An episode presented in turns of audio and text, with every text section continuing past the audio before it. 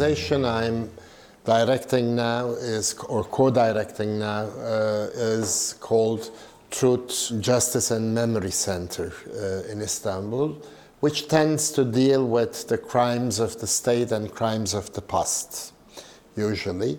But uh, most of the time, like in this region, crimes of the past are directly related to crimes of today. So you have to involve with today's crimes too. What is the past that you are dealing with in Turkey?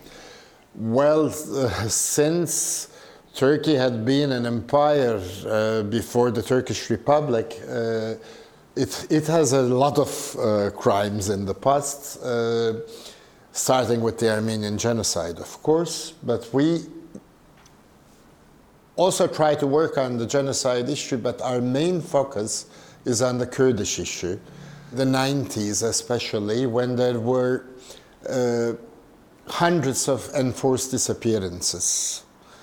Uh, so we work on enforced disappearances with a perspective of transitional justice. We established the center at 2011, and at that time, up to 2012, the accession period to EU was still very important. So there was a relative, uh, I can say, respect to human rights and democracy uh, at that time. Uh, we collaborated, to tell you the truth, with uh, international organizations, but we were the only organization uh, who worked on uh, crimes of the past at that time. Uh, but because uh, the, struggle for the enforced disappearances was going on for more than 30 years in Turkey by the Saturday Mothers, most of the people knew uh, about the situation so we didn't have much trouble uh, working on the issues. Up till that time, unfortunately, there wasn't an exact list and figure of the forcibly disappeared people. So we started with a field work to confirm the numbers and names and their uh, judicial uh, history. And uh, up till uh, now, we could only confirm 500 enforced disappearances, starting with the 1980 coup d'etat uh, from then on. Uh, but we're still working on it. What are the estimates about the figures? I think it should be around a thousand. The, the, the, unconfirmed number is around 1,300. But I think it should be around a thousand.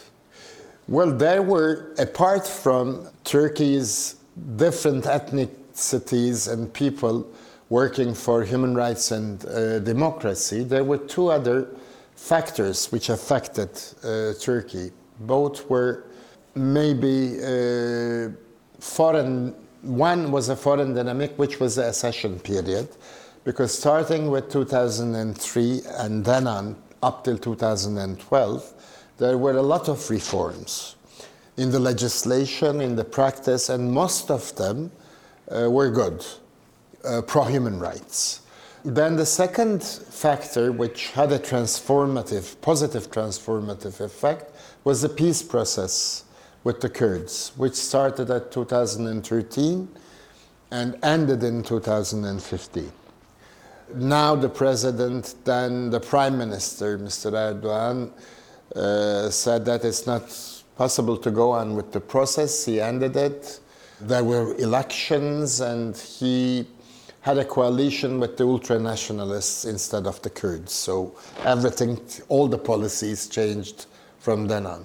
How would you estimate the reasons for this maybe hardening of politics or complete shift in, in Mr. Erdogan's policy or one factor is uh, the EU is not a strong target anymore uh, because of the faults of the both parties I can say Turkey uh, on the one hand and the EU on, on the second hand because it didn't have EU had its own problems during that accession period. It, I mean, nowadays nobody knows what will happen to EU too. So they didn't have a very straightforward policy for Turkey.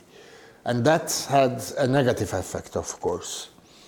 Uh, uh, and the other was uh, for the first time in the history of Republic, which started in 1923, there was a possibility of a peace with Kurds.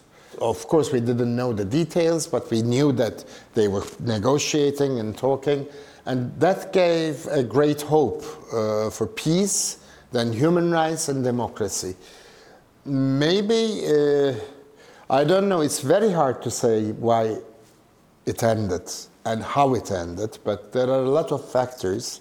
One was maybe when it started, it was a local process for Turkey. Then the Kurdish issue became a regional issue with Iraq and Syria. Maybe the third is uh, both parties uh, were not uh, ready enough or prepared enough for a peace process because you know uh, the struggle between the Turkish army and the Kurdish guerrilla movement is going on for the last 30 to 35 years, and uh, a peace process is not very easy to accomplish. So maybe they were not prepared enough, I can say also. How did you experience the obstacles when these policies changed and when the peace process ended? Well, before that, let me tell you about maybe two signals uh, about this.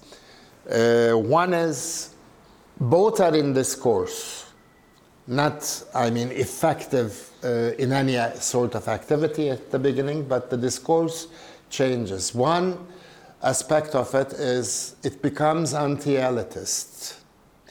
And elitists can change from country to country.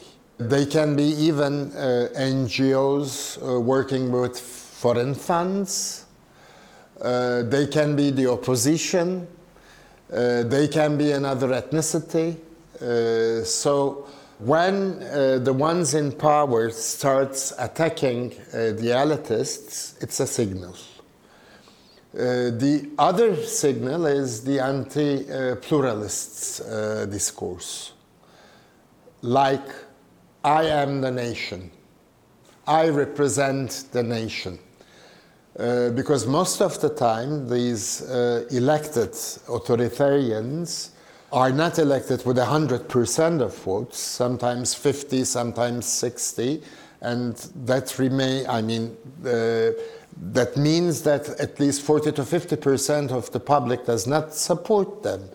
But they ignore that part and say that I am the nation, and then they start calling the nation uh, only that 50% who voted for them, ignoring the rest.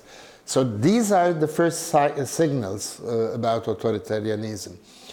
Um, during maybe the 20th century, uh, democracy died with a heart attack because it was usually with authoritarian uh, armies or politicians with a coup d'etat, and then uh, there was a period of uh, authoritarianism. But in the 21st century, it's not those uh, authoritarian uh, coup d'etat in uh, people who are in favor of coup d'etats, but they are elected uh, politicians, and um, and democracy does not die with a heart attack. It rather chokes, and it takes some time. Although the peace process was still going on, there was a critical era in 19, uh, 2013, uh, which was uh, the Gezi uh, incidents, called the Gezi incidents, because people, uh, for almost one month, uh, hundreds of thousands of people, it started in Taksim Square in Turkey, but then spread all over the country, in which thousands of people were wounded. Uh, and 10 people uh, got killed. Uh, so that was the beginning of everything. From then on, uh, the government uh, started to change the laws, let's say, for demonstration, for association. Uh, then, unfortunately, we had a coup d'etat attempt in 2015, which was according to the government, uh, organized by uh, people who were pro Fethullah who was a clergy in, in United, living in the United States. uh, but who was in collaboration in governance uh, with the current government. Uh, so they had some uh, split of yeah thoughts, and with that coup d'état attempt, the government it was an opportunity for the government not to deal only with uh, the coup d'etat, but all the opposition. Uh, around 1,500 uh, NGOs were closed down. Uh, media was confiscated, I can say, uh, and changed hands. You can no more make any peaceful dem demonstration of any sort. But it all started, the attack all started with the vocal parts of the society. It started with the media. We can't talk about a free media in Turkey anymore. It's all totally controlled by the government. There are very few newspapers and maybe one or two television channels which are not that widespread and strong, uh, which are independent. Uh, and uh, the other independent media is the digital media. That's it. Then it was uh, the academicians who signed a peace petition for peace in Turkey because after the peace process, the clashes between the government uh, and uh, the PKK guerrilla forces started again. Unfortunately, this time uh, in cities in the region. So they made a peace petition calling uh, for peace again. And you know, most probably that mm, most of them lost their jobs. There were 2,000 people who signed it, and uh, out of uh, 2,000, nowadays I believe around 500 uh, were purged out of their jobs. None of them can travel outside the country. Uh, they can't work in uh, private universities or anywhere else. So it's called a civilian debt for the academicians. And the third wave uh, came against the human rights defenders. Around uh, 300 human rights defenders now is either on trial or in prison. So this is how it started. And uh, you, in particular, you joined the defense of a newspaper. That's yeah? true. Uh, when did it happen and how? It was the only daily, uh, Kurdish daily, uh, and uh, there were verdicts against it, uh, hundreds of thousands of Turkish liras on the one hand, and they were asking for up to 30, 40 years of imprisonment for the editors. So there was a campaign uh, in which a hundred uh, journalists, writers, artists, uh, members of parliament took part in uh, a one day editorship of the newspaper. So I was one of the 100. Uh, 36 of the 100 were indicted. On what char- charges? Uh, terrorist propaganda. Terrorist. Ah. Uh, it's a part of the anti-terror law. Uh, and one last year in August, uh, I went to prison. Up till that time, I was the only one convicted. The reason for it was I did not show enough, enough remorse during the trials. So the court decided on that basis. So they, my verdict was for uh, uh, one year and six months, eight, uh, 18 months in total. I stayed in prison for three months and then uh, went out on probation. I'm still out on probation. But allowed to, to leave the country? Because uh, my trial is not going on. Uh, mm-hmm. The verdict was uh, given, and it's the, the, verdict did not include a ban on uh, foreign travel. But I had to go and sign for four days to the local uh, police headquarters, so it, it means a ban. In times like that, uh, international support and solidarity means a lot.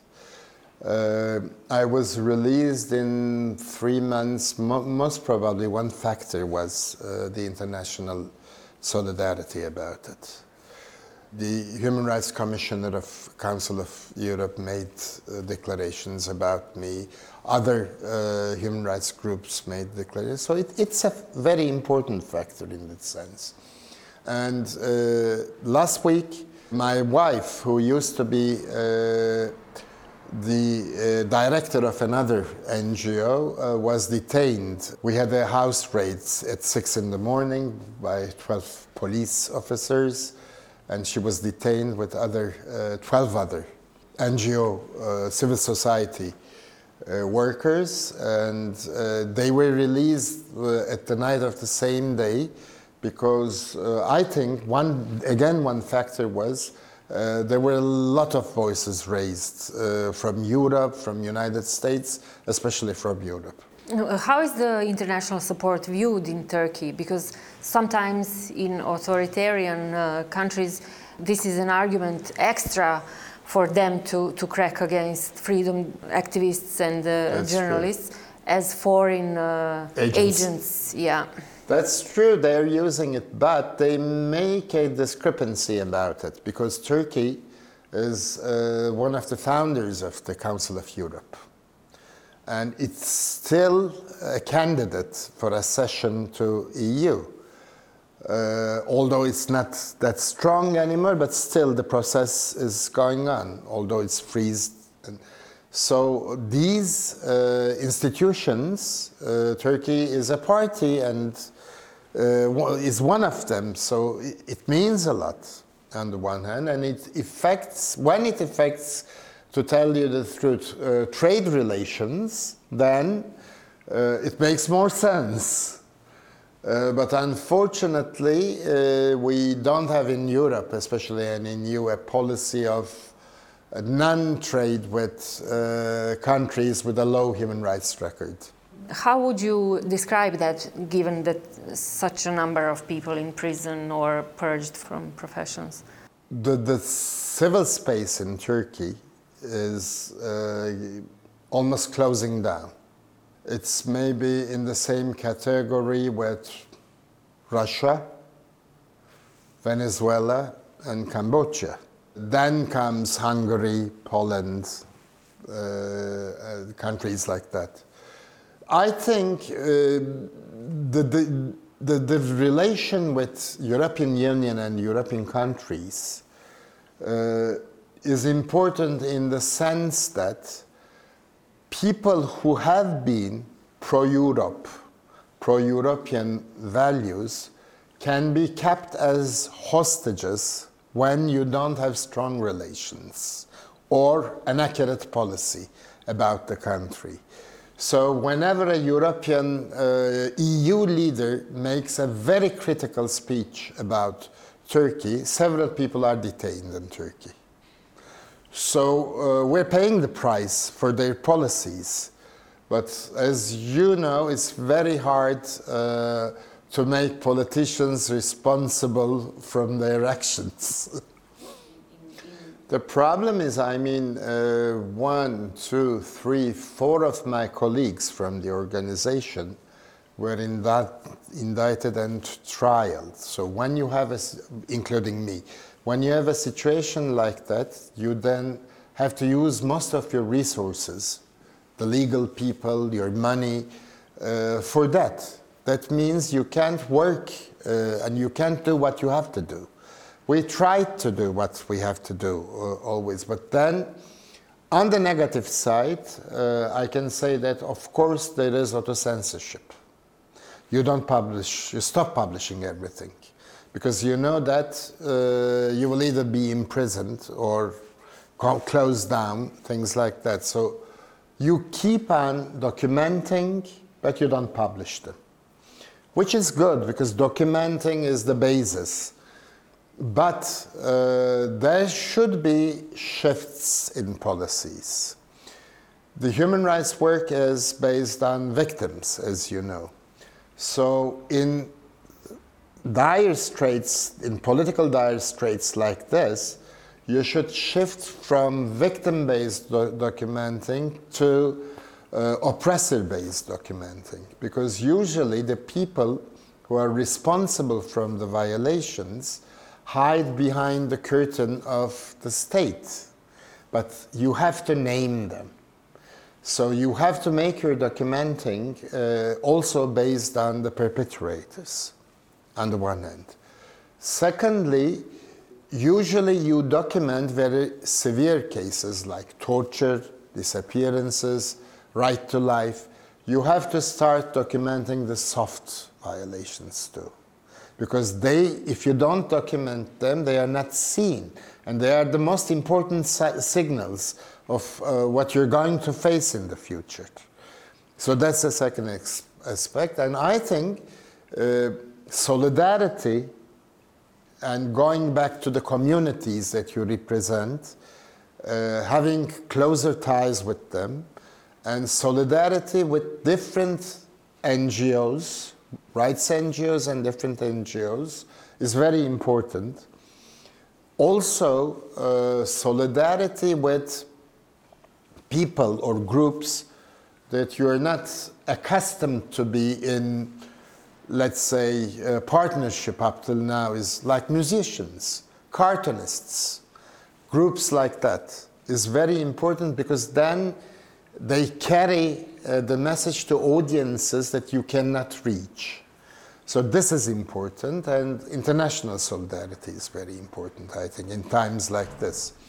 In Kenya, I can say that the NGOs and the rights NGOs struggled against its authoritarianism by coming together and prioritizing their targets. First, we will deal all together with this, then the things like that.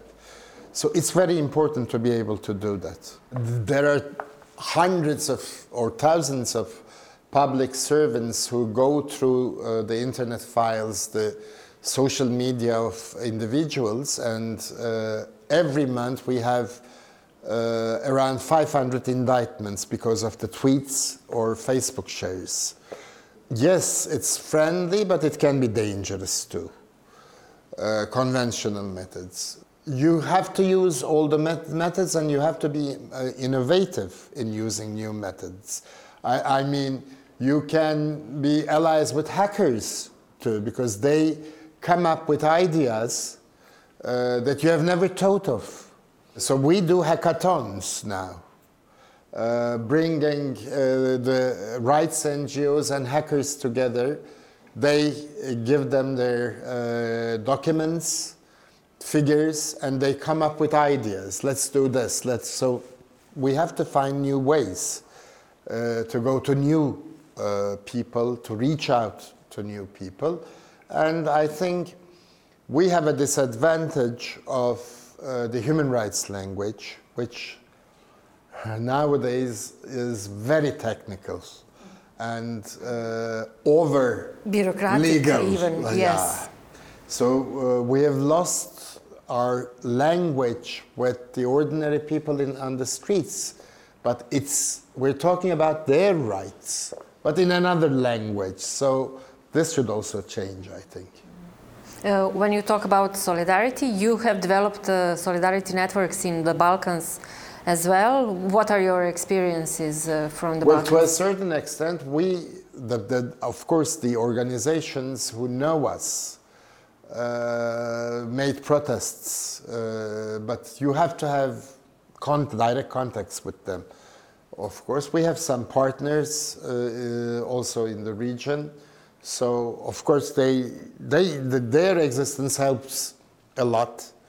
Not only about solidarity, but we learn from each other uh, a lot.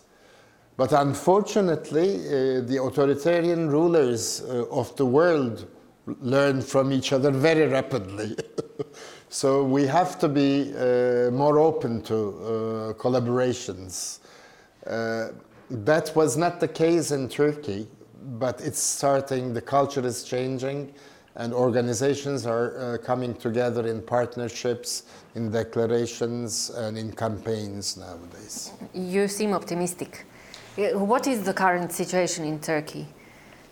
Well, it's not. Is, is it going to escalate? Do you feel is it going to escalate? It's very hard to say. There will be a, one more escalation because we're going to have local elections.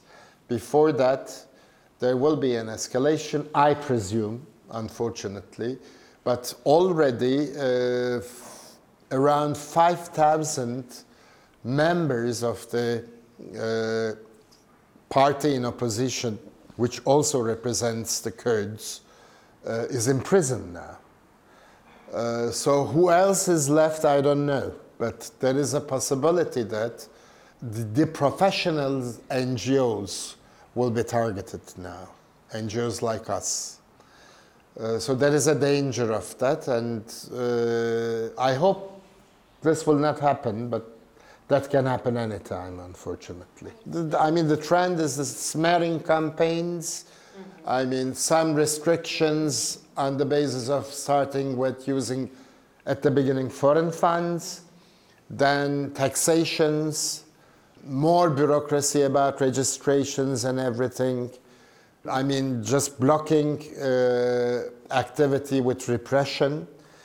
Uh, because in uh, Turkey nowadays, uh, I said no one can make peaceful demonstrations. Very lately, women who gathered and made a peaceful march protests were ob obstructed by the security forces and uh, tear gas was used. Only on 8 March the women could walk in Turkey. But uh, the unbelievable thing is the governor of Ankara, which is the capital, uh, prohibited all sort of LGBTI activity in Ankara. And there is no, I mean, law or reason or anything for that, but this is the current situation. Do you feel empowered to maybe cross lines that others cannot in, in dealing with the authorities and well that gives you more responsibility not always empowerment and courage but yes it gives you more responsibility that's true but it also leaves you out uh, in the light. So it can be both empowerment and danger. But uh, this is who I am, and I cannot change it, and this is my uh, life and profession to do. So uh, I have to stop to exist. So, I mean, there is no other way of stopping it. Of course, there can be sometimes I can have smaller steps. Uh, maybe I will have a lower voice, uh, but, but I still exist. And there are a lot of people like me in Turkey. So, in that sense, and Turkey is a very dynamic society, and it has a very, although uh, it's closing down, a very dynamic civil uh, society. Uh, yes, in the long run, I'm hopeful. Uh, I, in, in my lifetime, I lived through three coups d'etats in Turkey. My motto is uh, there is a crack in everything, and that's where the light comes in, like Leonard Cohen's song.